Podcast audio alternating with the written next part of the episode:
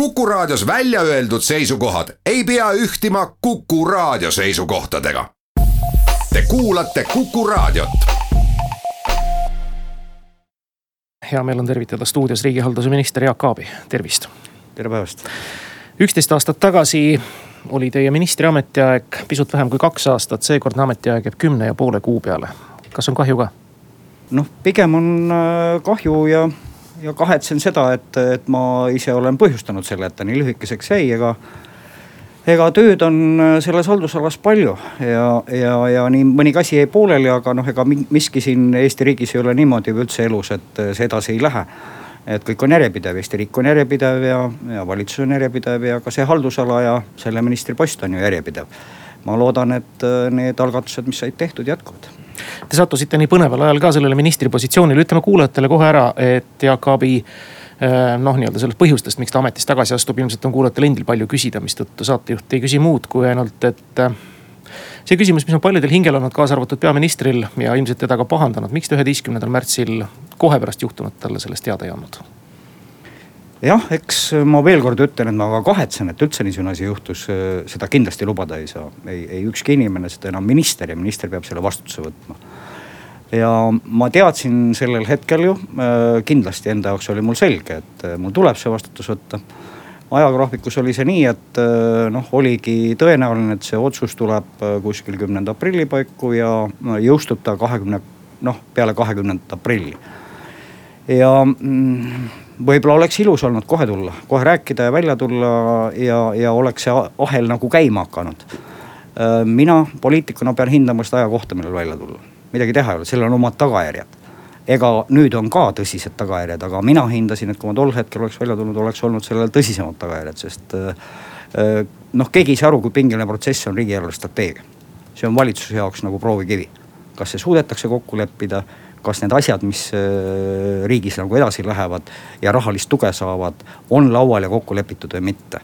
nii et see on minu vastutus, see võib paista halb välja, aga ma olen võtnud selle tagasiastumisega vastutuse võib-olla ka selle eest, et ma tol hetkel välja tulnud ühesõnaga, te kaalutlesite seda olukorda, et riigieelarve strateegias oleks hakatud seda juhtumit siis teile või kogu erakonnale siis või haldusalale nina peale viskama, et mis sa, Raul Jõudik, vabandan nüüd väga selle robustse väljendi eest, sa siin kekutad, et äh, sa vaata, kuidas oma asjadega hakkama saad, ennem kui riigieelarvesse midagi nina topid noh, kindlasti negatiivse varjundiga ja mitte ainult haldusalale, valitsusele, noh kõigele, nii et ega nüüd ka ei ole see hea. Aga minul poliitikuna tuli see otsus langetada, mina langetasin selle, kas ta oli õige see on tagantjärgi hinnata räägime nüüd teie ametiajast, mis nagu öeldud, sai siis seekord olla kümme ja pool kuud pikk, see sattus olema väga põneval ajal. Teie ülesanne oli lõpule viia haldusreform. ja kas see nüüd õnnestus, seda näitab muidugi lähem aeg, kuidas uued vallad, struktuurid tööle hakkavad ja, ja kuidas need nii-öelda viimased otsad, kaasa arvatud Järva maavalitsuse kunstiteosed saavad ära klatitud ja klaaritud, kuidas nendega on muide praegu? Jah, et reformidega ma lühidalt ütleks, et eh, nii nagu ma olen korranud, et eh, jah, piirid on ümber joonistatud, haldusterritoriaalne reform lõppes kohalike valimistega. aga need tegevused, mis nagu peaks andma siis selle sisu omavalitsusele võib-olla noh, nii suurema otsustusõiguse, rahadega, see on pidevas protsessis. noh, mul on hea meel, et mõned tõsised otsused on tehtud, omavalitsuste tulubaas on praktiliselt taastatud. ehk siis äh, ka sellest oleneb ju otsustusõigus, palju sul on ressurssi, et midagi teha. ja liikudes ringi Eestis, siis kõik tunnetavad äh, seda. Neil on keeruline periood, ei ole lihtne käivitada uut struktuuri, uusi vallavalitsusi, uusi kõiki tegevusi nüüd hoopis suuremas piires, see on keeruline, see võtabki aega. aga ma olen näinud ikkagi seda suhtumist, et äh, suuremad võimalused, noh suuremates piirides Äh, paremate võib-olla spetsialistidega või lihtsalt selles mõttes, et need inimesed saavad tegeleda konkreetse valdkonnaga. väikses vallas nad tegelesid seinast seina, ei jõudnud ühtegi asja süveneda pluss siis see rahaline võimekus, mis on juurde kindlasti tulnud, annab nii mõnedki probleemid lahendada, mis konkreetsetes äh, piirkondades või endistes omavalitsustes on pidevalt üleval olnud ja ei ole lahendust leidnud Äh, jah, äh, ma tänan ka kõiki neid omavalitsuse töötajaid ja neid maavalitsuse töötajaid, kes on ka ju lõpetatud.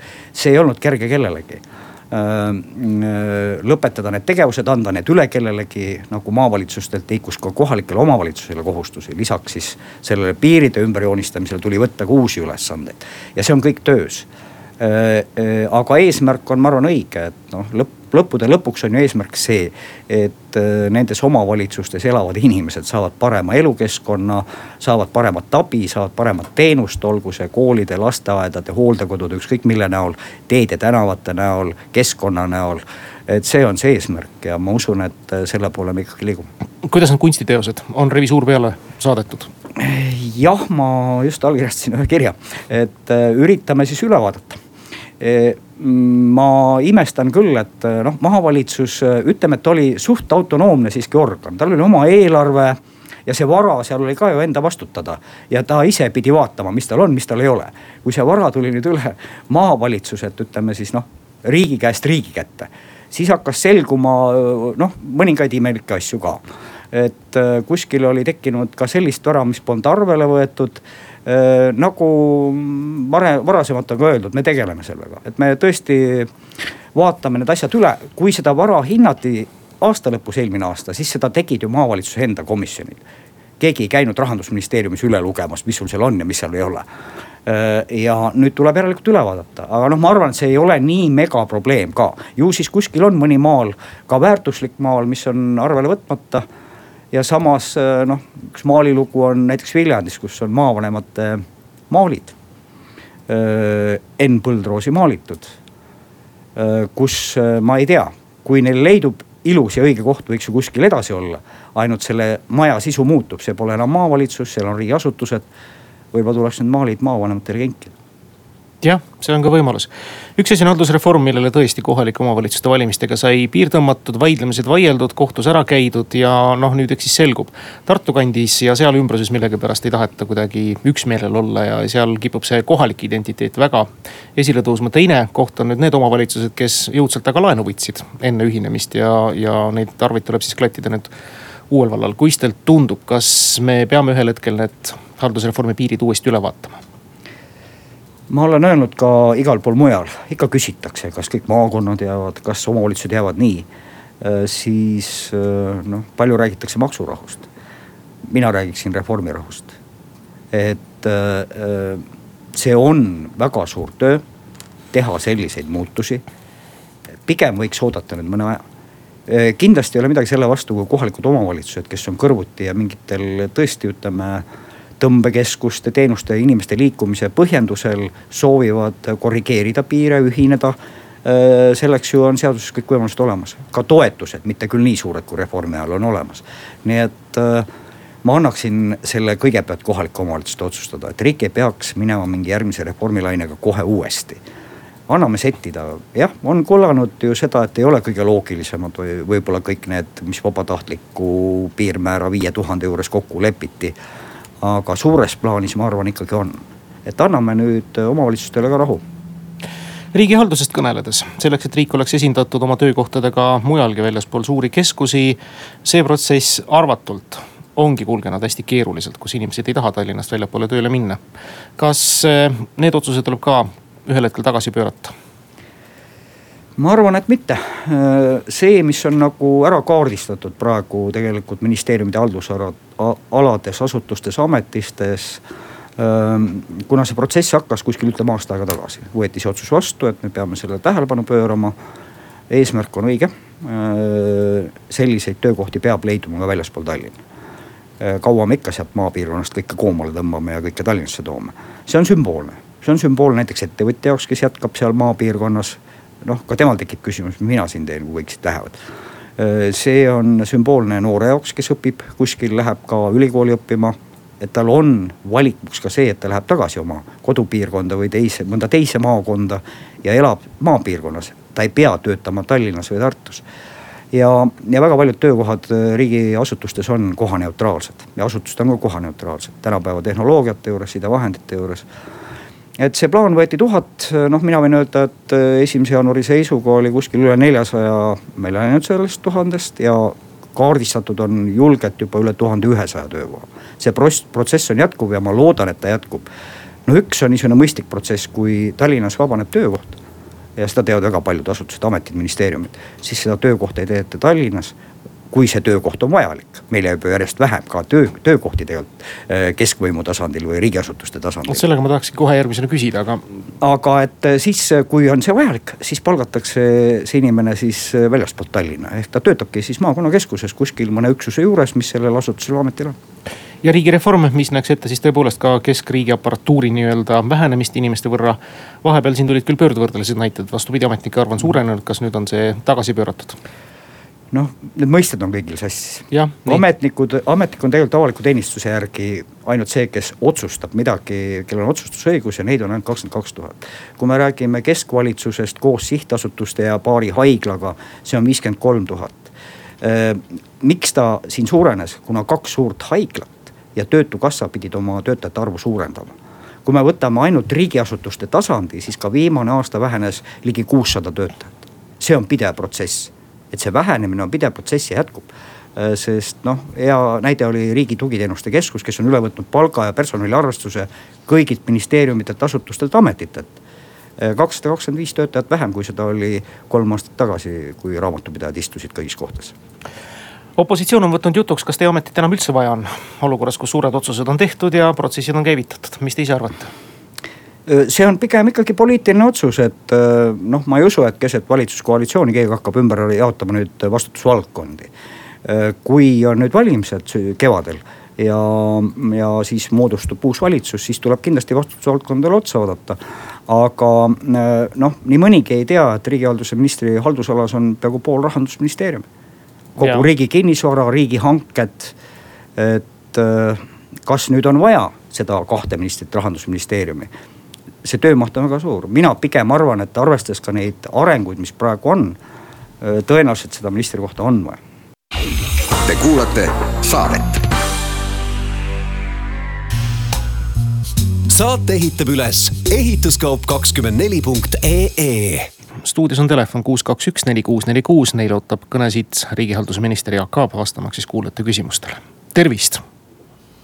tervist, selline küsimus, et kui tavakodanik peab laenu võtmiseks minema panka või saatma SMS-i, siis äh, meie võimul oleva äh, koalitsioonipoliitikud äh, leiavad, et laenu võib võtta ka enda juhitavatest maksumaksja poolt ülalpeetavatest asutustest. ka saatekülaline on minu mäletamist mööda saanud väga soodsa laenu omal ajal enda juhitavast linna, linnade liidust, et kas ka täna on võimalik äh, härra Aabi ministeeriumis parteilastel saada nagu sellistel soodustingimustel laenu või on see praktika siiski minevikku jäänud?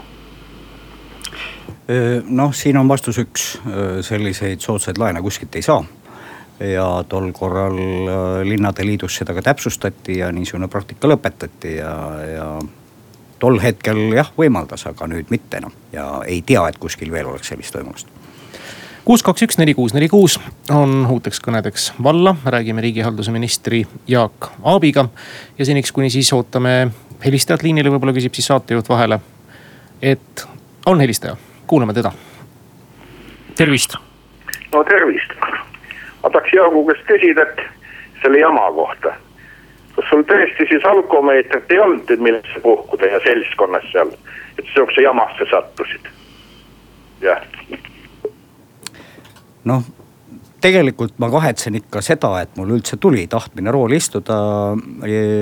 noh, oleks võinud arvestada seda, et noh, alkomeetri kasutamine, see on ka nagu piiri peal mängimine, et oh, et mul on sutsukene alla piiri aga kas ma olen siis päris okei okay?? et noh, on kuskile pandud piir. Äh, pigem ma pooldaks seda, et kui on äh, üldse selline taustu eelmine õhtu, siis pigem üldse mitte rooli istuda ja see oleks nagu olnud õige valik äh, alkomeetrit noh, muidugi võib kasutada, et, et lihtsalt veenduda selles, et see, kuidas siis öelda. et ei ole veres selle võrra alkoholi, mis mõjust, mõjutab nagu liikluses liiklemist. aga ma pigem ei istuks üldse rooli. Kuus, kaks, üks, neli, kuus, neli, kuus on taas vaba, kuulamaks siis helistajaid, kellel on midagi Jaak Aabi käest küsida. aga vahepeal siis saatejuhi pooleli jäänud mõte ikkagi järeltulija osas. selle üle on siin palju spekuleeritud, kusagilt on õhku visatud jälle Veiko Luhalaidi nimi Veiko Luhalaid on pikka aega olnud omavalitsuses omavalitsusjuht, omavalitsuse liitudes kaasa löönud, ta väga hästi tunneb seda valdkonda. Kindlasti väga tõsine kandidaat, aga, aga küsida tuleb ikkagi peaministri käest, eks peaminister peab kaaluma, tooma oma kandidaadi erakonna juhtkonna ette, juhatuse ette ja, ja, ja siis seda otsustatakse. jah, olen ka ise peaministriga rääkinud, aga, aga millal peaminister tuleb järgmise kandidaadiga, ei oska mina öelda, seda peaks peaministri käest küsima. ja nüüd kuulame helistajat, tervist. aa, tere. Siis on selline küsimus riigiabi ministrile, et miks ei oleks võinud teha seda haldusreformi niimoodi, et üks maakond ja üks vald. see oleks täiesti ju optimaalne Eesti jaoks. et isegi praegu minu arust neid valdu on liiga palju, et noh. et eh, viisteist, viisteist valda pluss paar vabariiklikku linna, see oleks ju täiesti ideaalne eh, reform. mis te ise arvate sellest plaanist? aitäh küsimuse eest, jah, seda on küsitud palju, küsiti enne reformi ja küsitakse peale reformi ja küsiti reformi ajal. Äh, meil on üks näide, ehk siis Saaremaa, kus me võime öelda, et äh, üks vald, äh, üks maakond ja ka Hiiumaa. et paar näidet meil on. ja mm, ma ei tea, kuna siin oli see teatud kriteerium ja oli vabatahtlikkus, siis keegi ei keelanud ju omavalitsustel ühineda maakonna suuruseks ma saan küsijast aru, et siin oleks pidanud riik sundima nii suureks ühinema. Aga siin on see küsimus, et palju arvestatakse kohalikku arvamust ja vabatahtlikkust ja palju siis riik saab sundida. ei saa ju välistada, et kunagi sellised võivad tekkida, aga see pigem peaks olema kohalik algatus. kuus, kaks, üks, neli, kuus, neli, kuus on taas helisenud, tervist. tervist, tervist, tervist Kuku ja tervist härra Aab minu mure on kindlasti tuhandete, kui mitte kümnete tuhandete inimeste mure ja see puudutab nimelt seda, et õiguslikult me teame ju, et on olemas äh, valitsuse, Vabariigi Valitsuse kohustus territoriaalsete piiride ja omavalitsuste territooriumite määramise ja nimetamise suhtes. see on valitsuse äh, otsuse taga ja nüüd tekib üks olukord, kus endiselt tekib küsimus ja ongi küsimus, et kõik Eesti NSV aegsed seadused kumusid ehk äh, kaotasid oma kehtivuse sellest hetkest, kui võeti vastu pärast üheksakümne teist aastat Eesti Vabariigi põhiseaduse jõustumise järel Eesti Vabariigi omad seadused. nii. ja siis hakkas äh, olukord, kus äh, Eesti Vabariigi ajal Konstantin Päts likvideeris Paldiski linna, kuid Paldiski linn sai uuesti linnaõigused omavalitsusõigustena aga Nõmme linn, kelle likvideerisid juunikommunistid viis päeva pärast Eesti NSV väljakuulutamist, on endiselt ja jätkuvalt vastavalt Nõukogude Eesti-aegsete otsuste kütkes. ehk siis kui täna eh, ette valmistasin küsimust homseks ka peaministrile eh, lahtiste uste päeval Riigikogus, siis oleks ju eh, ikkagi mõistlik ühel hetkel valitsus kokku kutsuda ühe ainukese lihtsa päevakorrapunktina omavalitsusõiguste tagastamine Nõmme linnale. kuna ei ole olemas ainustki dokumenti Nõmme linnavolikogult või ainustki dokumenti Nõmme linna, linnavalitsuselt, et saaks lülitada selle territooriumi Tallinna linna alla. niisiis meil ju jätkub nõukogudeaegse seaduse jõusolek, kuigi rohkem neid seadusi palju enam ei ole ja näiteid ka mitte. et veel kord, Paldiski mis ei olnud Eesti Vabariigi lõppedes neljakümnenda aasta seitsmeteistkümnenda juuni okupatsiooni alguse seisust alates, ei olnud linn, on täna Eesti Vabariigis uuesti linn. Nõmme, mis oli okupatsiooni alguses viis päeva linnana edasi, likvideeriti siseminister Maksim Munti käsul Johannes Barbaros Varese heakskiidul, on endiselt linnaosa, mitte linn, kus on õigus, seadusetus ja kus on see algus, et võiks lõpuks öelda, okupatsioon on Eesti Vabariigis läbi elatud, üle elatud? tänan küsimuse eest, mis viitab päris aktuaalsele probleemile. ma saan aru küsija nagu sellest noh, suurest hingelisest kaasaelamisest Nõmmega. aga Eestis on veel teisi selliseid külasid või territooriume kes ka peale haldusterritoriaalse või haldusterritoriaalse reformi lõppemist ei ole rahul sellega, kuhu nad kuuluvad. ja tegelikult noh, kui võrrelda neid nõukogude aja piire ja, ja Eesti aja, niinimetatud Eesti aja piire ja nüüd taasiseseisvunud Eesti haldusnimetusi ja piire, siis need on ikkagi väga palju muutunud, mitte ainult Nõmme.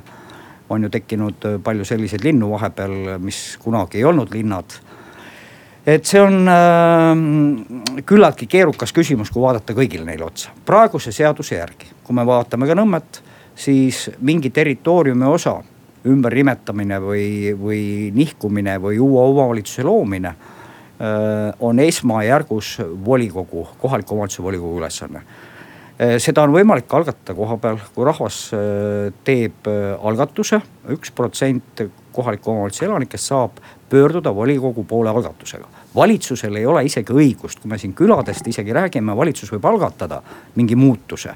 aga kui volikogu nõus ei ole, siis see territooriumi osa küla ei lihku kuhugile poole.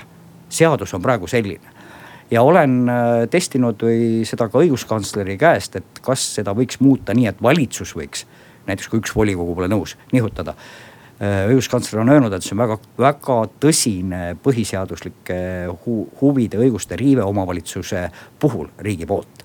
seda võis teha reformi käigus, kui olid siin kaalutlusotsused valitsusel, kas ta ühendab ühte või mitte. see oli teatud protsessi, eesmärgistatud protsessi raames.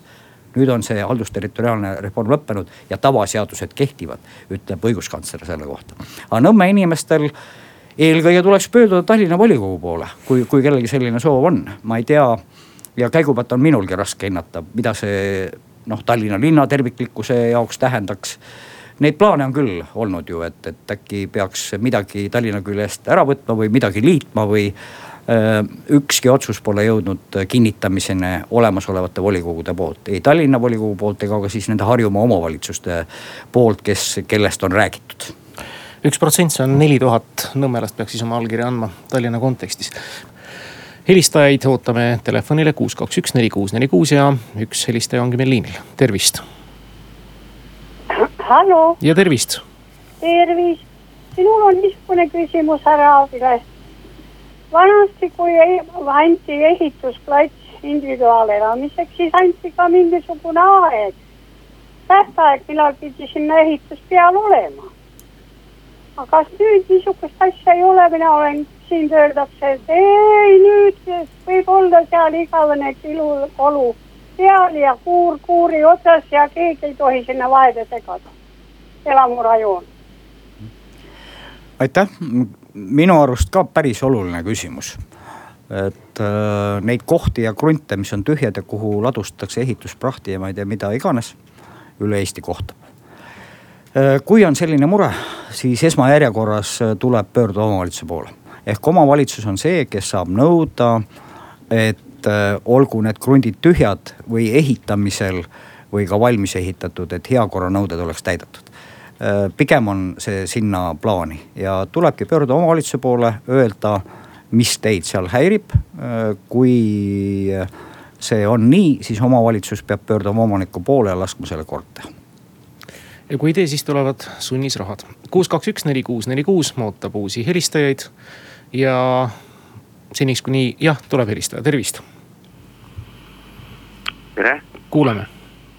Äh, ma tahtsin nüüd küsida, et äh, see ei ole küll võib-olla teie otsene ministeeriumi teema, aga. küsige konkreetselt. selle õppetunni alkoholiga saite, et, et kas siis, kui need aktsiisimakse võetakse alkoholi pealt, kas oleks õige, et inimesed saavad nagu ka otse selle tasuta nagu ravi või abi nagu, et, et, et kui me maksame nagu lihtsalt selleks, et keegi edasi surnuks joob, et kas lihtsalt oleks nagu mõistlik suunata ka neid rahasid siis nagu teie arust no ütleme kohe otsesele vajaduse kätte? aitäh.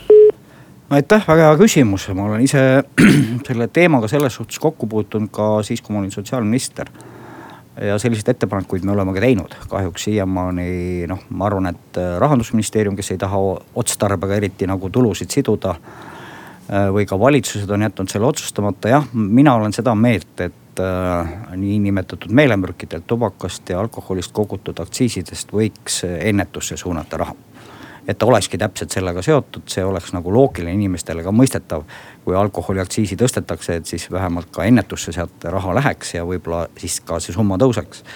et konkreetse ravi suhtes ma võin öelda küll, et äh, mis praegu mure on? mure on ju see, et kui inimene ise, kellel on see probleem ja see on haigus, kui see probleem on, saab aru, kas siis oma lähedaste toel või jõuab ise selle järelduseni, et tahab selle probleemiga tegelema, tegeleda, siis see ravi on praegu tasuline.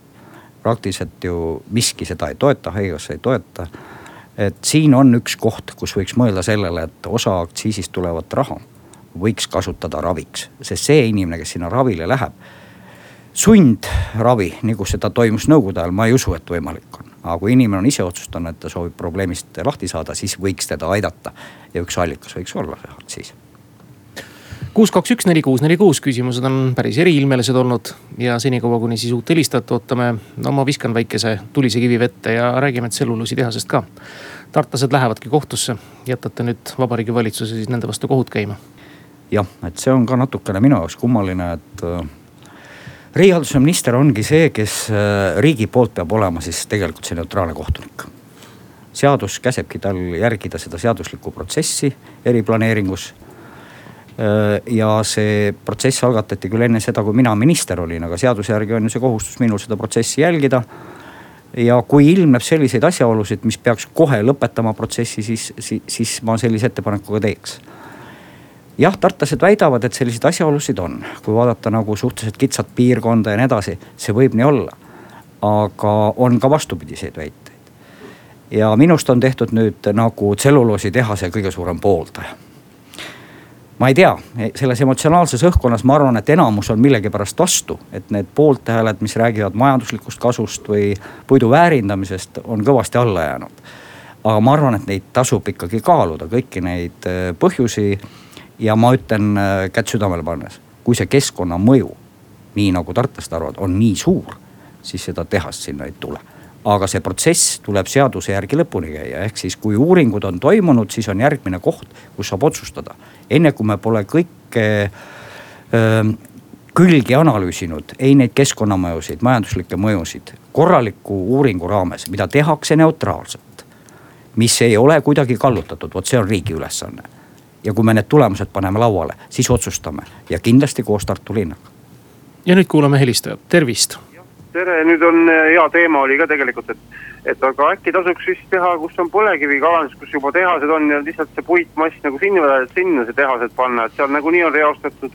ja seal pole inimkonda ümber, et õhku et põhiline on lihtsalt, et üle ei raiuta ja et oleks võib-olla ju Kundas või, või seal põlevkivitehaste juures, kus juba tehased on, et ei pea nii suur rajatise tegema lihtsalt, et, et et see puit tõesti ei läheks otse ekspordina lihtsalt välja, et see selles mõttes äh, asukoha värk võib-olla on. ja mm, sellele ma saan vastata niimoodi, et tegelikult neid asukohti oli rohkem kaalutlusel, kui rahandusministeeriumi planeeringuosakond küsimusele otsa otsa. miks piiritati Tartu ja Viljandimaaga Emajõega see asi? esiteks äh, on äh, investor kes soovib teha mingit suurt investeeringut, oma põhjendused, see on puiduressurss kus mitte ainult Eesti puiduressurss, vaid ka Põhja-Läti puiduressurss tuleb kasutusele ja väärindamisele. järelikult seal mängib asukoht ka suhteliselt suurt rolli. siis teine küsimus on eh, vesi, sellises mahus vett, selle tehnoloogia jaoks kulub palju vett. Eh, on ka selles piirkonnas, ehk investor käib lauale selle, kuhu ta sooviks selle investeeringu, kus tal tasuks ära teha nüüd järgmine küsimus on see, kui kaalutleda neid muid asukohti, kas need on võimalikud või ei ole. aga nii keskkonnaministeerium kui majandus-kommunikatsiooniministeerium vastasid siis, et äh, tuleb teha selles piirkonnas, kui me kogu Eesti peale uuriks neid asukohti, esiteks kuluks selleks meeletu raha ja teiseks ei tea, kas see oleks otstarbekas, kui kõiki neid tingimusi seal täidetud ei oleks selles piirkonnas. see mõte, et Ida-Virumaale kõik tööstused viia, võib ju olla küll äh, niisugune esmapilgul äh, noh, isegi põnev. ma ei tea, kas idavirumaalastele see meeldib, et, et kõik tööstused tahetakse nende hoovile viia. et äh, ma veel kord kordan, uurime need asjad läbi, kui need mõjud, negatiivsed mõjud on nii suured, siis seda tehast niikuinii ei tule.